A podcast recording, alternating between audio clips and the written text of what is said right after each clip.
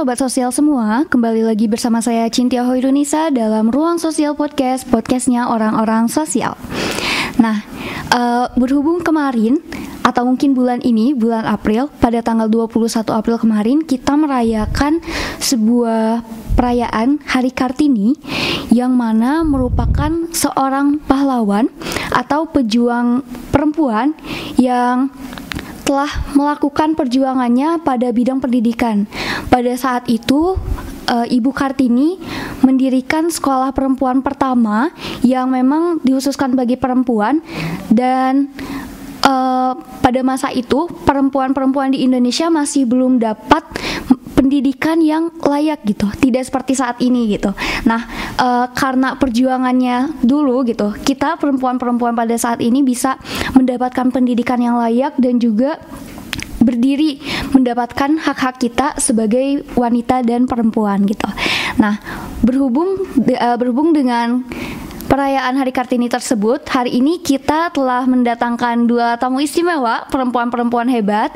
Di sini ada Kak Firas Fauzia. Iya, halo. Halo Kak Firas, bagaimana kabarnya Kak? Sangat baik. Iya, dan juga ada Kak Sarah Maulida. Bagaimana kabarnya Kak Sarah? Alhamdulillah baik, terima kasih.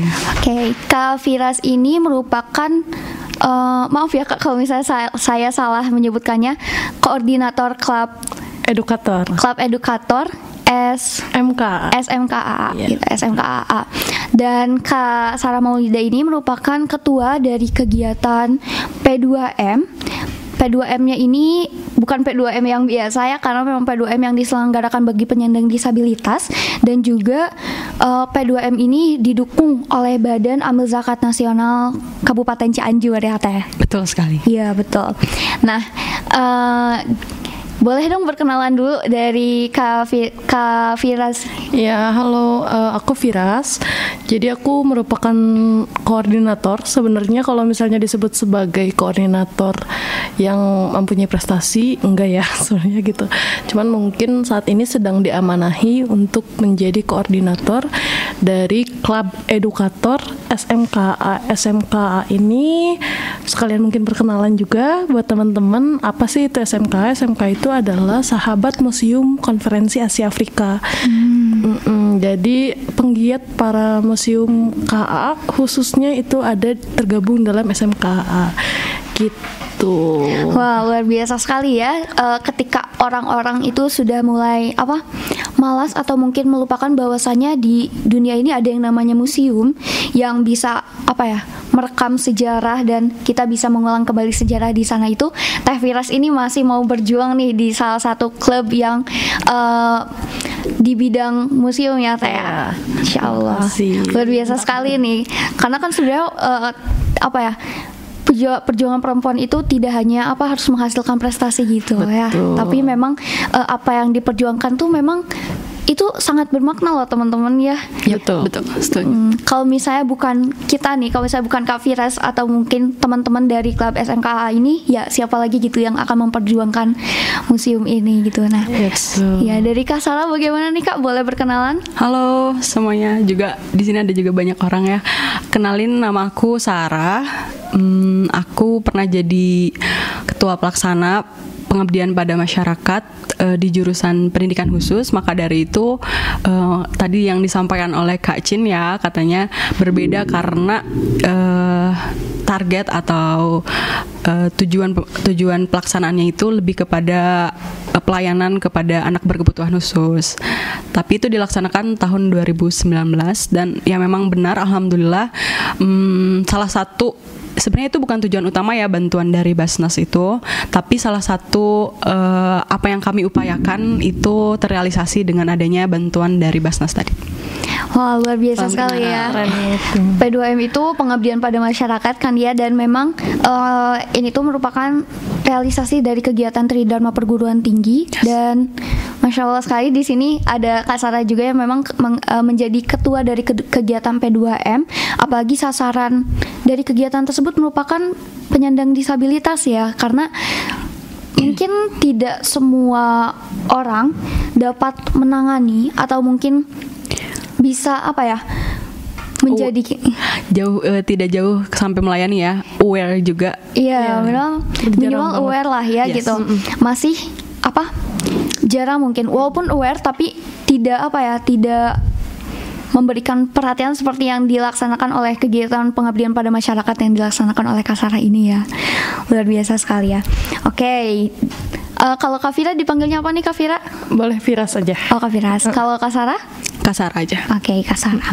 Di sini ada beberapa pertanyaan nih Kak yang mungkin akan aku ajukan terkait eh, perjuangan-perjuangan eh, Kak Firas dan juga ju- dan juga Kak Sarah sebagai perempuan selama kegiatan-kegiatan atau aktivitas yang dilaksanakan sebelumnya dan mungkin sekarang ya. Nah, untuk yang pertama, boleh dong nanya ke Kak Firas. Boleh. Iya. Menurut Kak Firas nih, apa sih makna perempuan hebat di era modern dan pada masa pandemi ini gitu? Kalau misalnya di eh, mungkin ini kita sharing kali ya. Perempuan hebat itu benar yang tadi kata Kak Cin sampaikan nggak harus menyang, menghasilkan prestasi, tapi perempuan hebat itu bagaimana eh, perempuan menghargai perempuan lainnya. Kenapa eh, aku bisa bilang kayak gitu? Karena banyak banget peran-peran perempuan yang membela perempuan tapi dia juga melakukan kekerasan kepada perempuan. Perempuan yang hebat adalah yang mereka saling melindungi di antara perempuan lainnya. Gitu. Jadi eh, sekarang kan kadang masih terbilang sebelah mata mungkin ya perempuan. Wah, perempuan bisa apa sih nih gitu. Padahal banyak banget quotes yang menyatakan bahwa perempuan bisa melakukan apa aja dan bisa menjadi apa saja. Nah, ketika ingin menjadi perempuan yang hebat tentunya eh, yang diprioritaskan adalah hak-hak perempuan itu sendiri jadi jangan sampai kita menjatuhkan perempuan lainnya gitu untuk menguntungkan diri sendiri gitu kan sekarang lagi ramai kak perempuan support perempuan Ya. Iya, betul. tapi eh, kenyataannya kadang ada yang sebaliknya Ya. gitu. Ya, justru Masih yang banyak menjatuhkan ya, ya. malah Iya. menjatuhkan perempuan lainnya gitu. Padahal di depan mungkin wah aku sangat mensupport perempuan, aku sangat mensupport kesetaraan gender dan sebagainya, tapi ya ketika di belakang menjatuhkan perempuan lain itu sebenarnya hal yang tidak bijak dilakukan ya. Iya betul, setuju sih. Karena penjatuhan dari perempuan nggak cuman dalam bidang kekerasan seksual aja, tapi dalam menghidupkan hak-haknya juga itu masih banyak banget ya. Tentu Yang harus diperjuangkan Iya, Iya bareng-bareng. betul, Gitu. perjuangan bersama. Gitu paling. Oke, kalau dari Kasara nih gimana makna perempuan hebat pada masa modern dan pandemi ini? Eh, kalau aku lihat ya, misalnya kita eh, merenungkan bagaimana perjuangan Ibu Kartini ini sebagai orang yang eh, memperjuangkan hak wanita, terutama dalam pendidikan ya. Aku ngelihat satu nilai yang sangat beliau pegang gitu. Kenapa sih waktu itu kan wanita belum diberi akses pendidikan ya, sama sekali eh, kalau istilahnya pendidikan yang layak, justru sama sekali tidak diberi, tidak diberi gitu layanan itu Karena kan. pendidikannya juga gak dikasih Gak dikasih kan? gimana mau layak gitu kan Eh, masih mending ada pendidikan gitu tapi ini sama sekali tidak kan waktu itu. Aku ngambil satu nilai gitu ya. Kenapa beliau memperjuangkan itu? Kenapa wanita mesti berwawasan? Karena ada satu hal yang ingin di eh, share gitu ya. Menurut aku itu adalah nilai kebermanfaatan. Sebenarnya even misalnya kak Firas itu di bidang museum misalnya aku di bidang pengabdian pada masyarakat eh, aku melihat kebermanfaatan itu yang paling penting. Nah, makanya aku ngelihat siapa pun sebenarnya orang yang mengupayakan sebuah kebaikan untuk memberikan kebermanfaatan untuk orang banyak atau bukan orang banyak orang lain dan juga dirinya sendiri itu menurut aku udah hebat banget. Betul. makanya itu dan yang bisa kita apa ya eh, lakukan sesuai apa yang kita bisa gitu. Jadi bukan yang harus ya bener ya, bukan yang prestasi misalnya kita mengukur standar tertentu wanita hebat itu misalnya yang begini begini begini nih. Padahal tidak semua orang relate sama itu ya. Iya. Jadi bisa jadi eh, apa ya insecurities itu datang dari situ karena ada standar khusus misalnya wanita Iya, hebat betul. itu seperti apa. Nah menurut aku sih ketika kita bisa bermanfaat itu udah keren banget sih makanya. Iya. Ngomongin standaritas yang tadi, bahkan Iya. sekarang nggak standaritas kesuksesan aja ya, tapi standaritas cantik. Wah, aku pasti. itu udah bukan hal yang rahasia lagi Iya, ya. Tapi ya apa ya gimana ya? Jadi eh, memang wanita hebat itu tidak bisa diukur dari bagaimana fisiknya, bagaimana prestasinya, tetapi Yes. bagaimana mereka mau menebarkan manfaatnya ya bagi Betul. setiap orang gitu. Betul. Eh, mau di bidang apa pun itu gitu. Karena kebaikan dan kebermanfaatan itu memang tidak memandang Yes. dari siapa dan kepada siapa ya. Betul. Oke, itu. Kalau boleh tahu nih, ada nggak sih sosok yang terpikirkan atau mungkin terpop up ketika eh, kita menyinggung terkait eh, wanita hebat gitu? Dari Kak Sarah mungkin atau mungkin bisa dibilang yang menjadi role model nih bagi kakak-kakak berdua ini.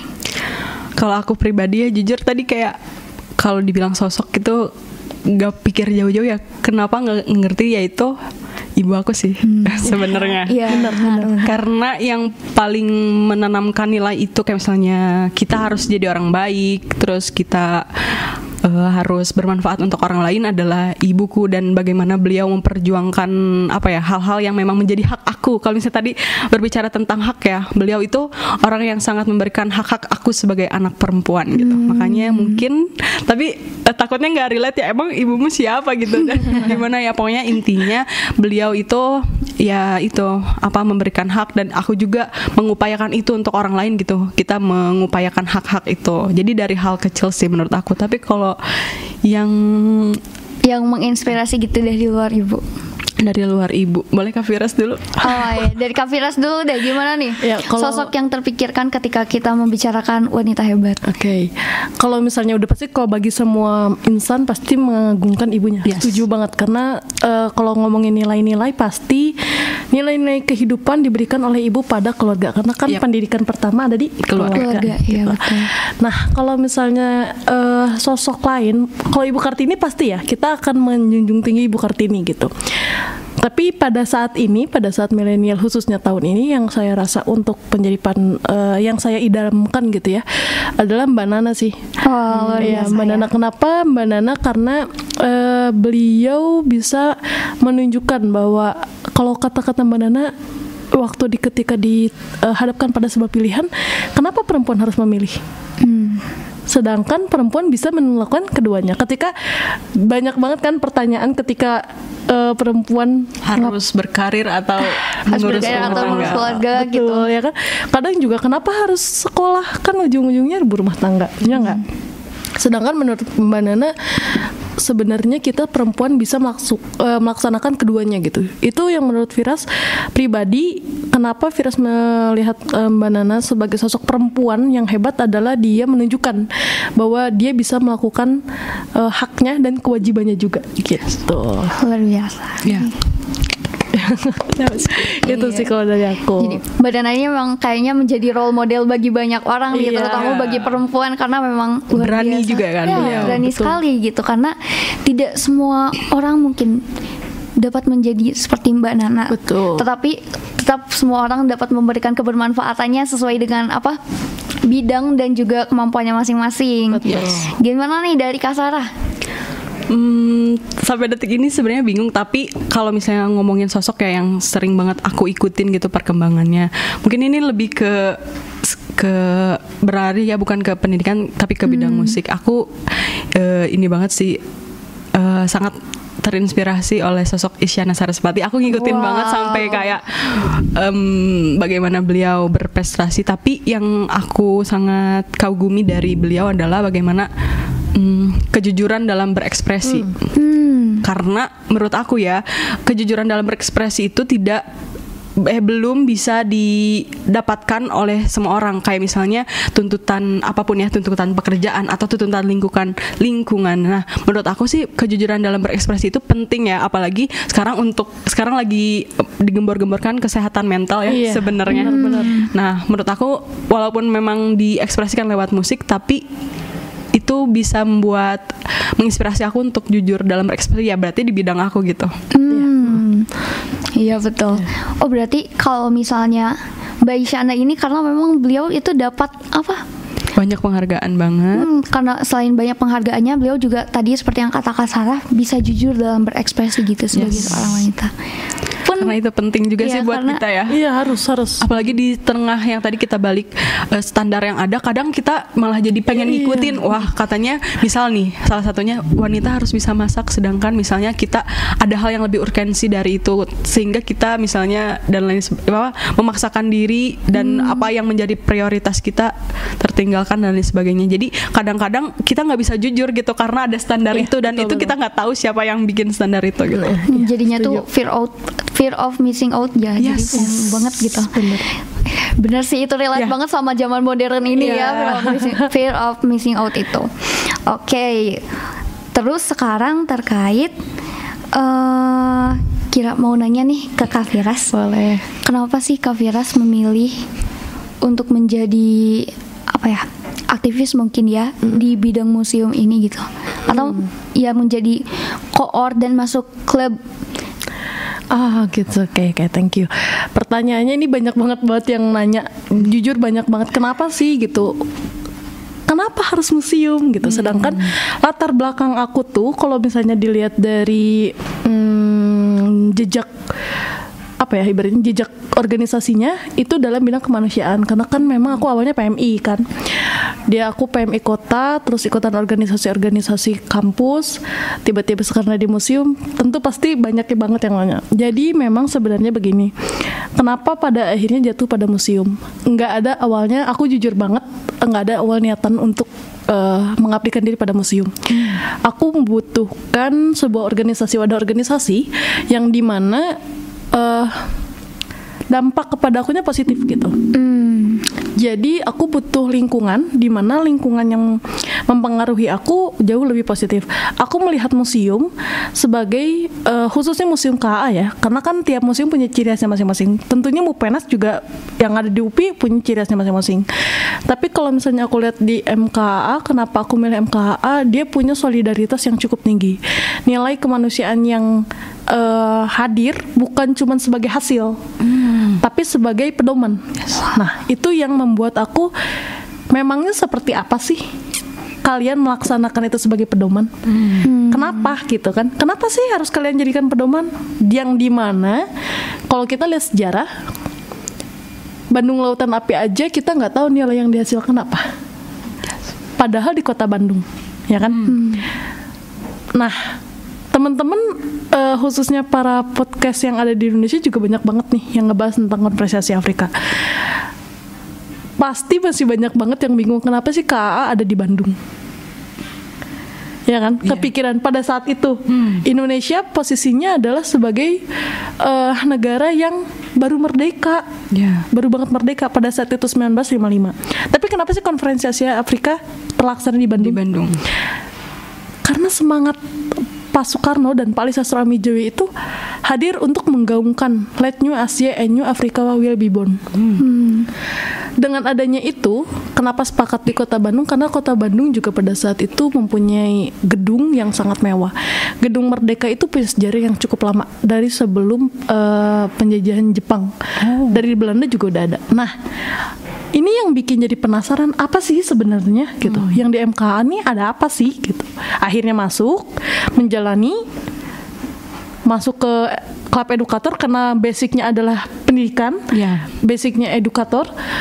Ketika masuk oh ternyata eh yang jadi ibaratnya aku mintanya satu titik tapi yang dikasihkan oleh sahabat museum konferensi Asia Afrika itu ribuan manfaatnya gitu. Jadi kalau dilihat konteksnya pejuang museum sebenarnya aku bukan pejuang museum yang banget banget banget. Dalam artian koleksivitasnya aku ikutin gimana gimana enggak sih sebenarnya. Tapi aku adalah seseorang yang mencintai konferensi Asia Afrika hasil pra pokoknya segala sesuatu dalam konferensi Asia Afrika aku mencintai. Kenapa?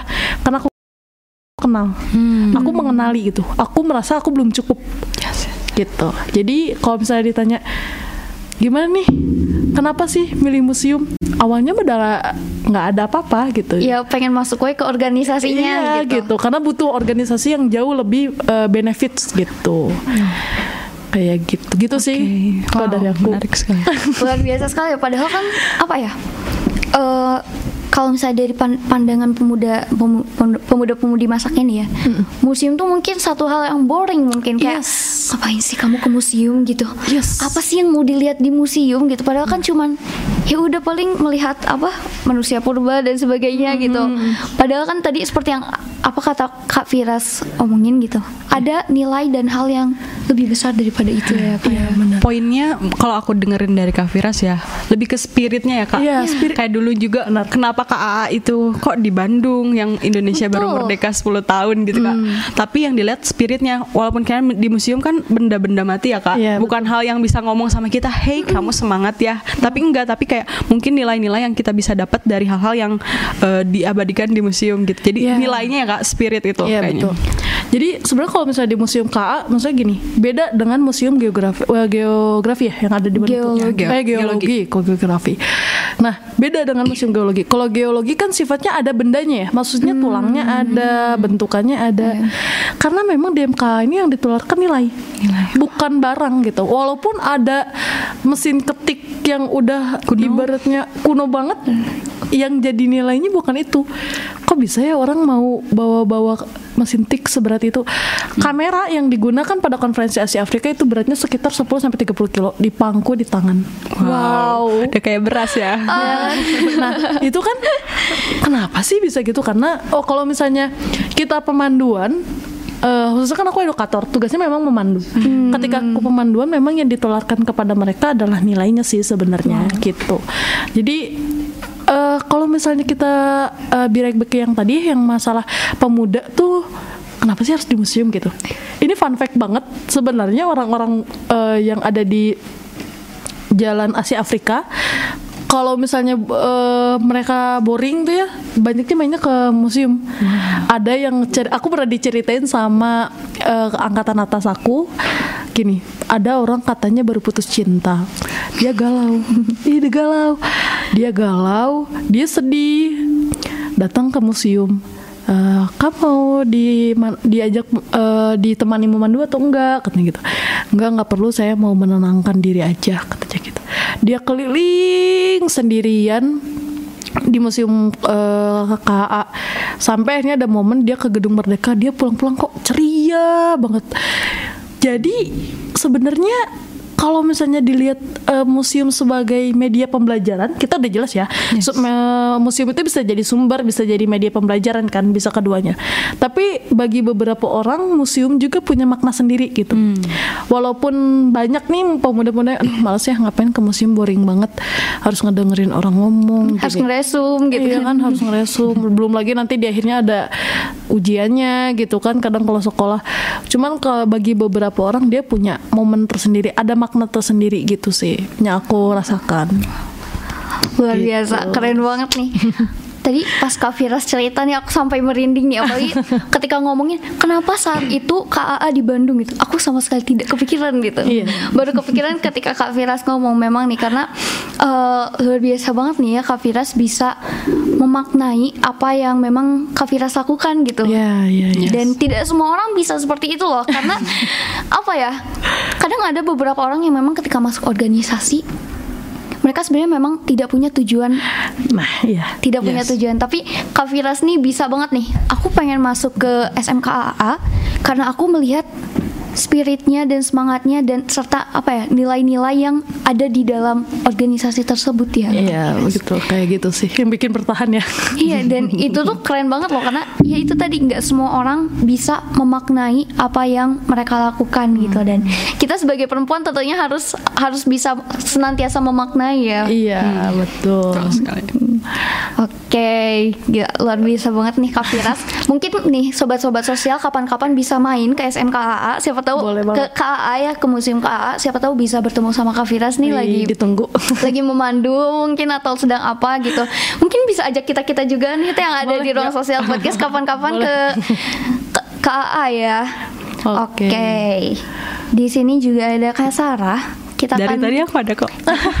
kita akan mendengarkan nih Oke. cerita atau mungkin pengalaman dari Kak Sarah selama menjadi ketua dari kegiatan P2M gimana nih Kak dulu mungkin nih eh, kalau sobat sosial boleh tahu atau mungkin ini sebuah fun fact apa FYI FYI dulu nih bahkan eh, aku sempat ngeliat gimana Kak Sarah ini memperjuangkan P2M ya tapi di balik layar ketika sebelum-sebelumnya pada masa perubahan undang-undang.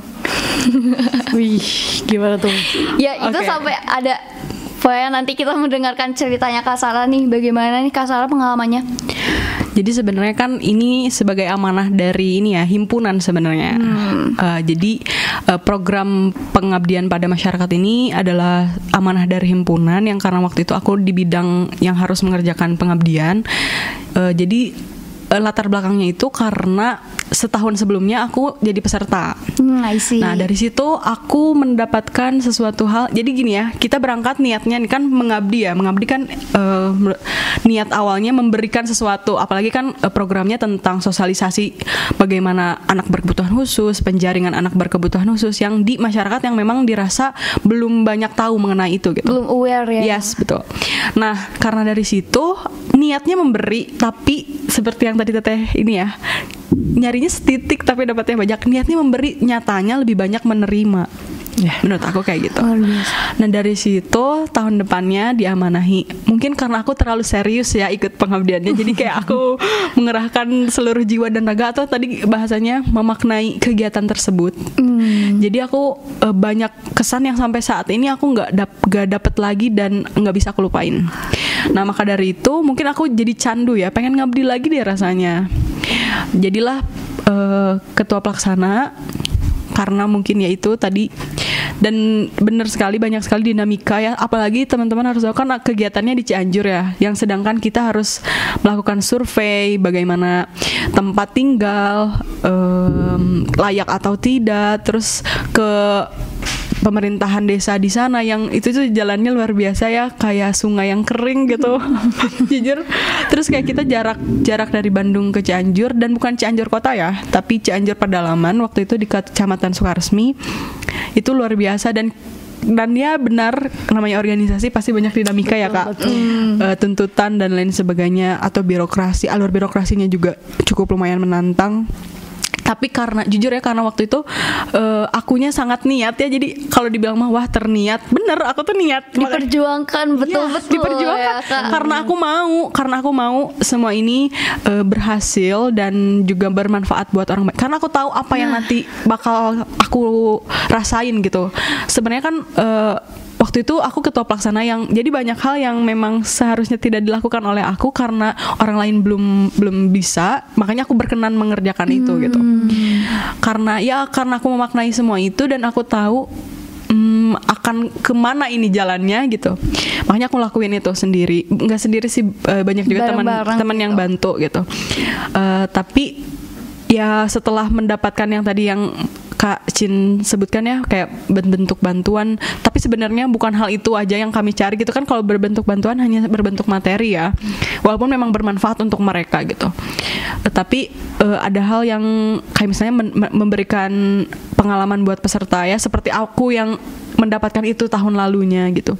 Makanya ketika dapat itu wah gila sih kayak ah terbayar semuanya kayak capek. Jadi pernah tuh kita eh sepaginya kita berangkat ke Cianjur aku sendirian dan temen aku di motor jadi pakai motor gitu. Aku sendirian dan eh, temenku berdua gitu. Tapi kita beda kerja gitu yang satu ngasih surat yang satu apa gitu.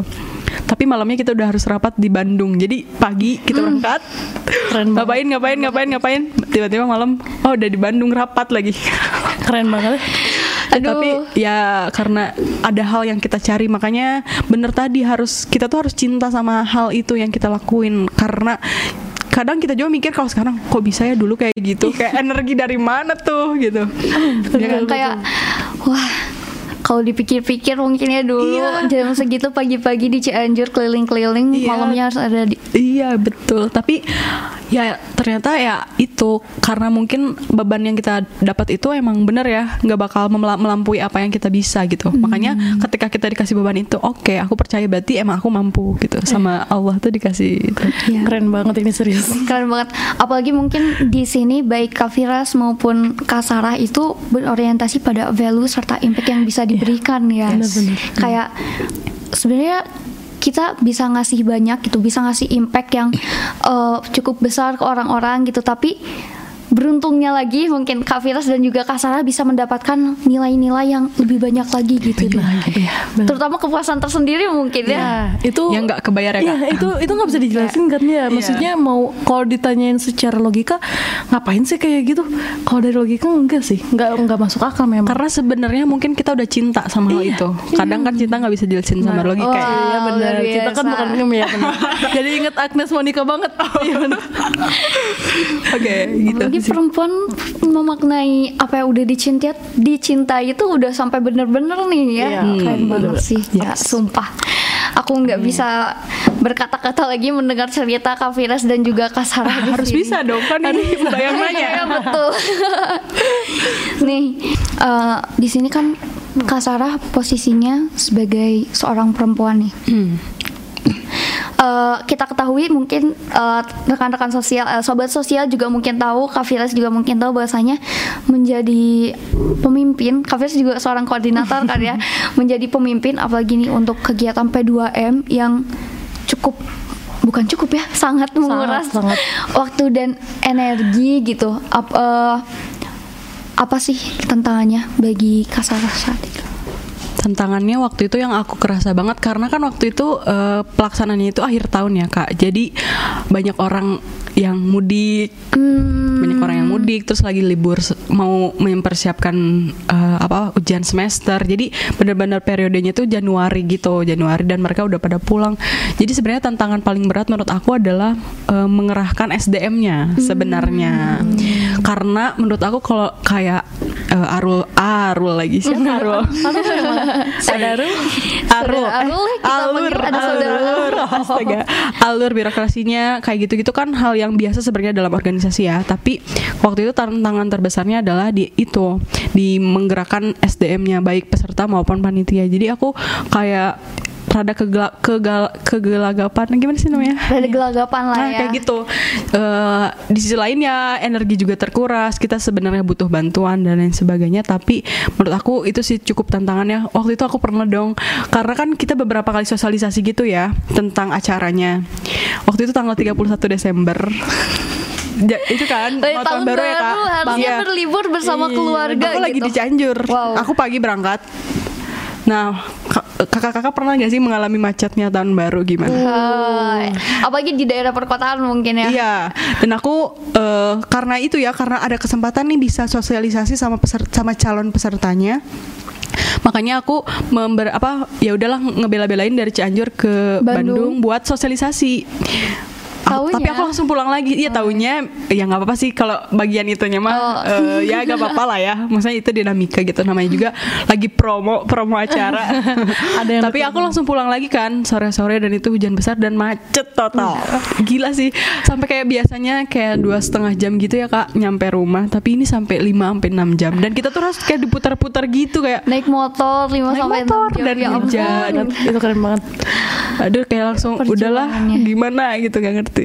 Kayak gitu sih tapi ya kebayar kok semuanya kebayar. Keren banget nih perjuangannya Iya, Kak Sarah, jujur. Kak Firas juga. Kalau Kak Firas nih apa tantangannya selama di SMKA? SMK sebenarnya kalau bisa jadi tantangan eh, perempuan ya khususnya. Karena kan perempuan adalah perasa ya. Hmm. itu agak sulit sih mengendalikan antara emosi dengan beberapa kebijakan-kebijakan. Ini kalau misalnya kita ngomongin jujur banyak banget hal yang sebenarnya tidak sesuai dengan isi hati. Tapi mau tidak mau dengan keadaan harus kayak gitu. Itu kan jadinya jatuh dengan eh, amarah dengan diri sendiri. Itu polemik jadi bagi diri sendiri gitu. Tapi tantangan terbesarnya menjadi perempuan itu adalah disupport banyak orang itu kenapa jadi tantangan karena punya tanggung jawab Hmm. Ekspektasi orang-orang tuh jadi jauh lebih besar jauh lebih besar ya. jauh lebih besar dan memang yang tadi aku sampaikan bahwa memang SMKA ini aku berani banget ngobrol bahwa SMKA eh, memberikan dampak yang jauh lebih positif dari organisasi aku sebelumnya. Kenapa? Karena aku merasa di sana tidak sendirian. makanya betah ya kak Makanya betah. Tapi kalau kelamaan juga bahaya ya. Kita kita harus ada beberapa langkah yang harus kita lalui juga. Jadi ketika banyak orang yang eh, mensupport itu sebenarnya menjadi tantangan. Ini aku bisa nggak ya Hmm. mencapai eh, titik di mana tidak mengecewakan orang lain Hmm, betul. Itu sih yang paling ditakuti mungkin ya. Iya kan? Itu itu menjadi persoalan Pressure. paling iya betul.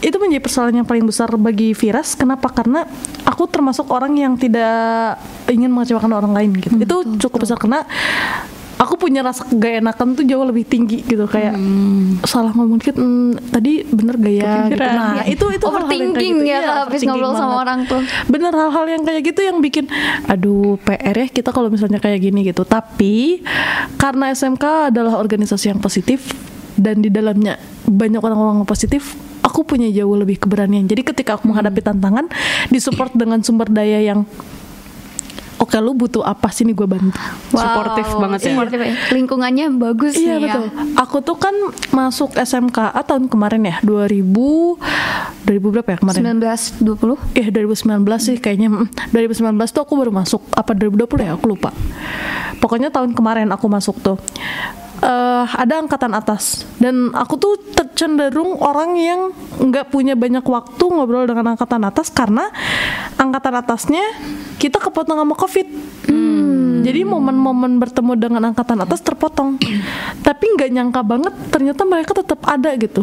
Kayak aku tuh sebenarnya jadi ketua jadi koordinator aja tuh punya banyak keraguan. Duh gue bisa nggak ya? Duh gimana dong? Ini gini banyak banget yang harus dipikirkan.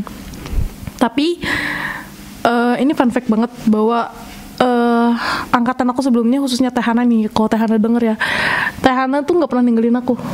Tehana Kang Nanda Kang Edo dan Kang Wais tuh nggak pernah ninggalin aku. Itu even aku nangis karena eh, sesuatu hal gitu. Bukan dalam artian bukan hal yang urgensi kepentingan ya tapi secara personality gitu. Ini nyakitinnya personality tapi mereka tuh nggak pernah ya udahlah gitu nggak pernah apa ayo cerita cerita kita cari jalan keluarnya bareng nah itu di saat ketika tantangannya banyak karena untuk memajukan SMK dan klub edukator yang jujur ternyata aku baru masuk ke situ organisasi di situ ternyata organisasi yang cukup meluas dikenal oleh banyak orang ya. ya karena orang-orang Asia dan Afrika aja juga ada yang tahu dengan ini gitu Wow. Ya ini ini menjadi SMK ini punya nama yang besar. Itu sih tantangan besar. Jadi ketika kita punya sesuatu yang hal, hal yang paling besar, kita juga punya tanggung jawab yang besar. Itu yang menjadi keraguan. Aduh ini kira-kira bisa nggak ya gitu. Tapi ya alhamdulillah ya udah setengah jalan lumayan. Keren banget sih. Nggak semua orang nih bisa apa menekan bukan menekan kembali ya apa bisa melawan pressure atau mungkin tekanan yang Iya. tadi Kavira sebutkan gitu. Yap. Keren banget gitu. Terus eh, kira-kira selama menjabat di SMKA ini apa sih kesan sama pesannya nih? Eh kesan mungkin kesan dulu nih Kavira selama menjabat di sana. Kalau kesan rasanya sudah disampaikan ya dari Ah, tadi. iya betul. Semuanya Mungkin berkesan. Kesan yang lebih mendalam, yang lebih eksplisit disebutkan lagi gitu. Ya ini yang aku mau sampaikan ke teman-teman bahwa kenapa sih aku cinta banget sama SMKA gitu. Karena aku menemukan identitas diri gitu. Jadi banyak banget orang eh, entah perempuan entah laki-laki ya yang beranggapan bahwa aduh sebenarnya kita ini siapa sih? Nah, ya kan? Kita ini mau ke mana sih? Ya kan? Betul. itu itu aku yakin nggak cuman aku doang. Pasti remaja di Indonesia banyak banget aku ini siapa sih? Aku ini mau ke mana sih sebenarnya? Aku yakin banyak banget. Dan alhamdulillah banget aku dapat jawabannya di SMKA Masya Allah. Iya, identitas yang aku dapat pada saat itu adalah aku adalah remaja orang Bandung yang diamanahi, yang diwariskan nilai-nilai semangat Bandung. Jadi kalau tadi eh, Teh Sarah bilang ada semangat yang terpendam, ada semangat yang mempengaruhi, iya ada namanya semangat Bandung. Semangat Bandung ini apa nih? Hasil dari KA. Dasar Sila Bandung dikerucutkan menjadi semangat Bandung. Nah ini yang menjadi oh iya ya aku tuh ternyata orang Bandung, udah orang Bandung, orang Indonesia punya beban sejarahnya banyak ya kan? Dalam artian bekal Be- bukan beban yang memberati ya tapi bekal sih. Aku ralat ya bukan beban tapi bekal. Bekal sejarah yang harus kita teruskan gitu. Karena nilai sejarah itu kenapa nggak pernah mati? Karena terus diceritakan. pertama karena terus diceritakan. Kedua karena kalau misalnya mati udah hancur Indonesia. Nilai dari adanya konferensi Asia Afrika adalah tiga, eh, di antaranya toleransi, hidup damai berdampingan dan kerjasama. Kalau nggak ada toleransi mau gimana? Kacau. Tidak akan bisa hidup damai dan berdampingan berarti ya. Nah, itu itu maksudnya. Jadi kenapa memang eh, sangat mempengaruhi gitu ya. Jadi kesannya itu sih punya identitas diri. gitu. Berarti SMKA ini benar-benar memberikan eh, mus- eh, apa ya kesan yang sangat mendalam gitu buat Kafiras gitu. Iya betul. Kalau dari Kasara, Kalau aku sama nggak pertanyaannya? Ya? belum belum Oh, belum. Eh, gimana sih kesannya juga sama sih? Kalau aku kan karena berhubungan sama anak berkebutuhan khusus ya, jadi eh, kesan yang aku dapat sih waktu kalau eh, sebenarnya banyak hal ya sama yang tadi kita ceritakan juga itu semua kayaknya banyaknya kesannya. Iya. Eh, lebih kepada kalau yang spesifik, aku pernah ketemu sama orang tua yang anaknya itu dua, Em, anaknya dua dan dua-duanya penyandang Disabilitas. autis. ya, Penyandang dua-duanya. autis Mm-mm dua-duanya. Berarti emang gen gitu lah. kurang tahu ya karena ti- eh, belum apa riset lebih dalam lagi dan aku ngelihat eh, kecintaan beliau terhadap anaknya jadi kayak mengupayakan banget ke kitanya ketika kami menawarkan bantuan ya karena memang eh, keluarganya juga kurang mampu ya secara ekonomi maka beliau tuh mengupayakan itu em, apa bantuan itu dari Basnas. Makanya beliau pas dimintain persyaratan langsung pergi. Dan aku dengar juga dari beliau kayak bagaimana sakit hatinya ketika anaknya tidak diberikan pendidikan yang layak. Jadi karena di sana belum ada sekolah luar biasa makanya beliau tuh menyekolahkan nggak menyekolahkan tapi eh, me- apa ya mengantarkan anaknya ke pengajian yang biasa di sana dan disuruh pulang. Hmm. biasa. Hmm, iya disuruh pulang kayak tapi beliau tuh nggak sampai di situ mengupayakan gimana caranya anak saya bisa mengenyam pendidikan walaupun itu bukan sekolah. Jadi terus kayak beliau kan badannya ibunya itu kecil sebenarnya dan kita kita tahu banyak anak autis itu perawakannya sangat besar. Beliau gendong. Uh. Energi dari mana? Orang yang dari perawakan kecil ya tapi bisa nge- ngegendong anak yang dengan perawakan yang sangat besar. Itu energinya dari mana? Menurut aku sih karena cinta itu karena karena eh, ya memperjuangkan hak-hak anaknya. Jadi seorang ibu dan suaminya itu bekerja jadi beliau tuh benar-benar ngurus sendiri di rumah. Dan dua anaknya nggak punya ada kakak atau adik. Udah dua-duanya itu dan dua-duanya penyandang autisme dan Jadi pure diurus sama anak ibunya. dengan iya betul anak dengan spektrum autistik. Dan aku ngelihat wow walaupun nggak berhasil ya beliau dapat sekolah gitu tapi kan kita lihatnya apa nilainya semangat beliau untuk mengantarkan ke sekolah walaupun pada akhirnya harus diusir lah kalau kasarnya gitu dan itu wow gila sih Itu keren banget. Ibunya juga wanita hebat. Iya, wanita makanya aku jelasin itu karena banget. ibunya sangat memperjuangkan itu. Ya, perjuangan ibu lah ya. Mm. Keren banget. Betul sekali. Eh, terus nih gimana nih dari Kasara? Kalau selama kegiatan dalam mengajar sama kuliah sampai akhirnya apa ya? Bisa, sampai- membiayai Oh, diri kuliah sendiri sama- kuliah ya, gitu. mandiri lah ya sebagai sosok wanita yang mandiri ini gimana?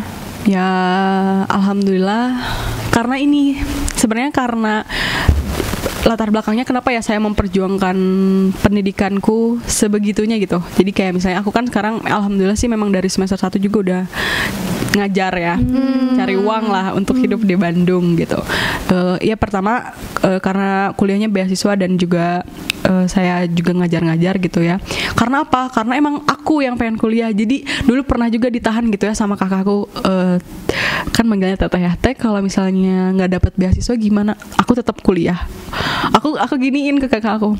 Pokoknya aku nggak bakal ngerepotin siapa pun jadi udah tekad gitu loh. Jadinya siapa lagi yang memperjuangkan aku kalau memang bukan aku sendiri? Karena aku udah janji gitu ke ke- karena kan waktu itu aku alhamdulillah lewat jalur SBMPTN ya. Kayak kita udah tahu ya bagaimana sih berjuangnya SBMPTN ya. Iya, Betul, betul. dan ketika dipatahkan hanya karena eh, hal yang berbau material aku langsung kayak udah kalau masalah itu udah biarin aku sendiri. Nah makanya kenapa gitu kok bisa memperjuangkan? Ya karena aku yang mau. Akunya yang suka belajar akunya yang suka sekolah aku yang suka kuliah. Makanya gak ada yang bisa mematahkan itu kecuali aku sendiri. Kalau akunya udah gamu ya mungkin aku drop out atau apa gitu ya. Sorry. Eh, tapi karena akunya mau karena akunya suka dan udah cinta. Aku tuh cinta sekolah cinta sekolah dan kuliah dan belajar dan lain sebagainya. Dan makanya aku perjuangkan itu. Keren banget. ngajar ngajar itu sih home visit gitu kak. Keren keren. Hmm, keren banget nih. keren. amin.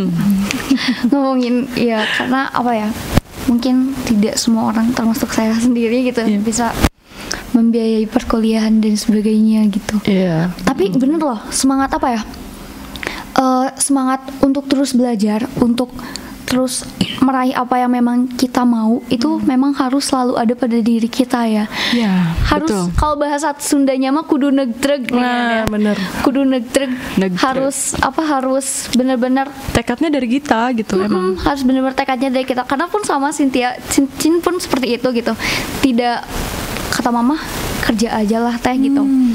karena memang sama tidak ada biayanya biayanya juga tapi kodarullah alhamdulillah dapat beasiswa juga. Jadi banget.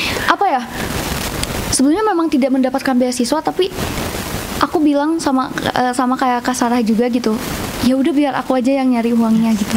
Karena kitanya yang mau ya? Karena kitanya yang energinya mau. datang emang dari diri sendiri gitu? Betul, jangan sampai apa ya mimpi kita gitu, apalagi kita wanita yang memang bisa dibilang bukan rapuh ya, kita juga kuat tapi mungkin lebih rentan, lebih Secara rentan emosional. secara emosional lebih rentan. Jadi apa ketika diomongin kayak gitu tuh malah ngedrop gitu, jangan sampai kayak gitu, tapi harus lebih semangat lagi gitu, harus. lebih pokoknya aku harus memperjuangkan apa yang memang aku inginkan gitu. Apa yang memang menjadi tujuan aku gitu.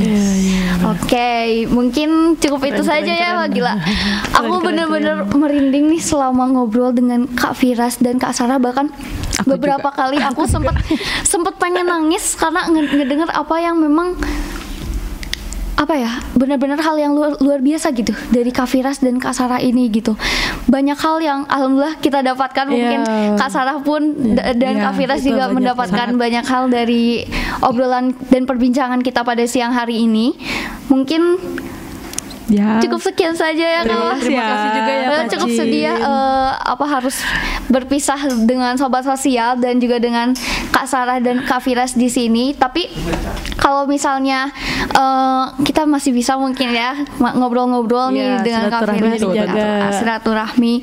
Nah, eh Terima kasih banyak kepada sobat sosial yang telah mendengarkan dan juga menonton Ru- Ruang Sosial Podcast. Jangan lupa dengarkan uh, episode-episode selanjutnya yang akan mengangkat tema-tema luar biasa di Ruang Sosial Podcast dan akan mengundang tamu yang luar biasa juga. Uh, jangan lupa juga untuk like dan juga sub- subscribe. Bagaimana nih teh? Sudah dicukupkan saja nih. Sepertinya saya tidak rela nih mencukupkan percakapan ini. Oke, selamat menjalani ibadah berpuasanya. Semoga lancar. Semoga Kak Firas dan Kak Sarah diberi kesehatan Amin. selalu gitu. Semoga sukses selalu ya Kak Firas dan Kak Sarah. Cin juga ya. Ya, Amin.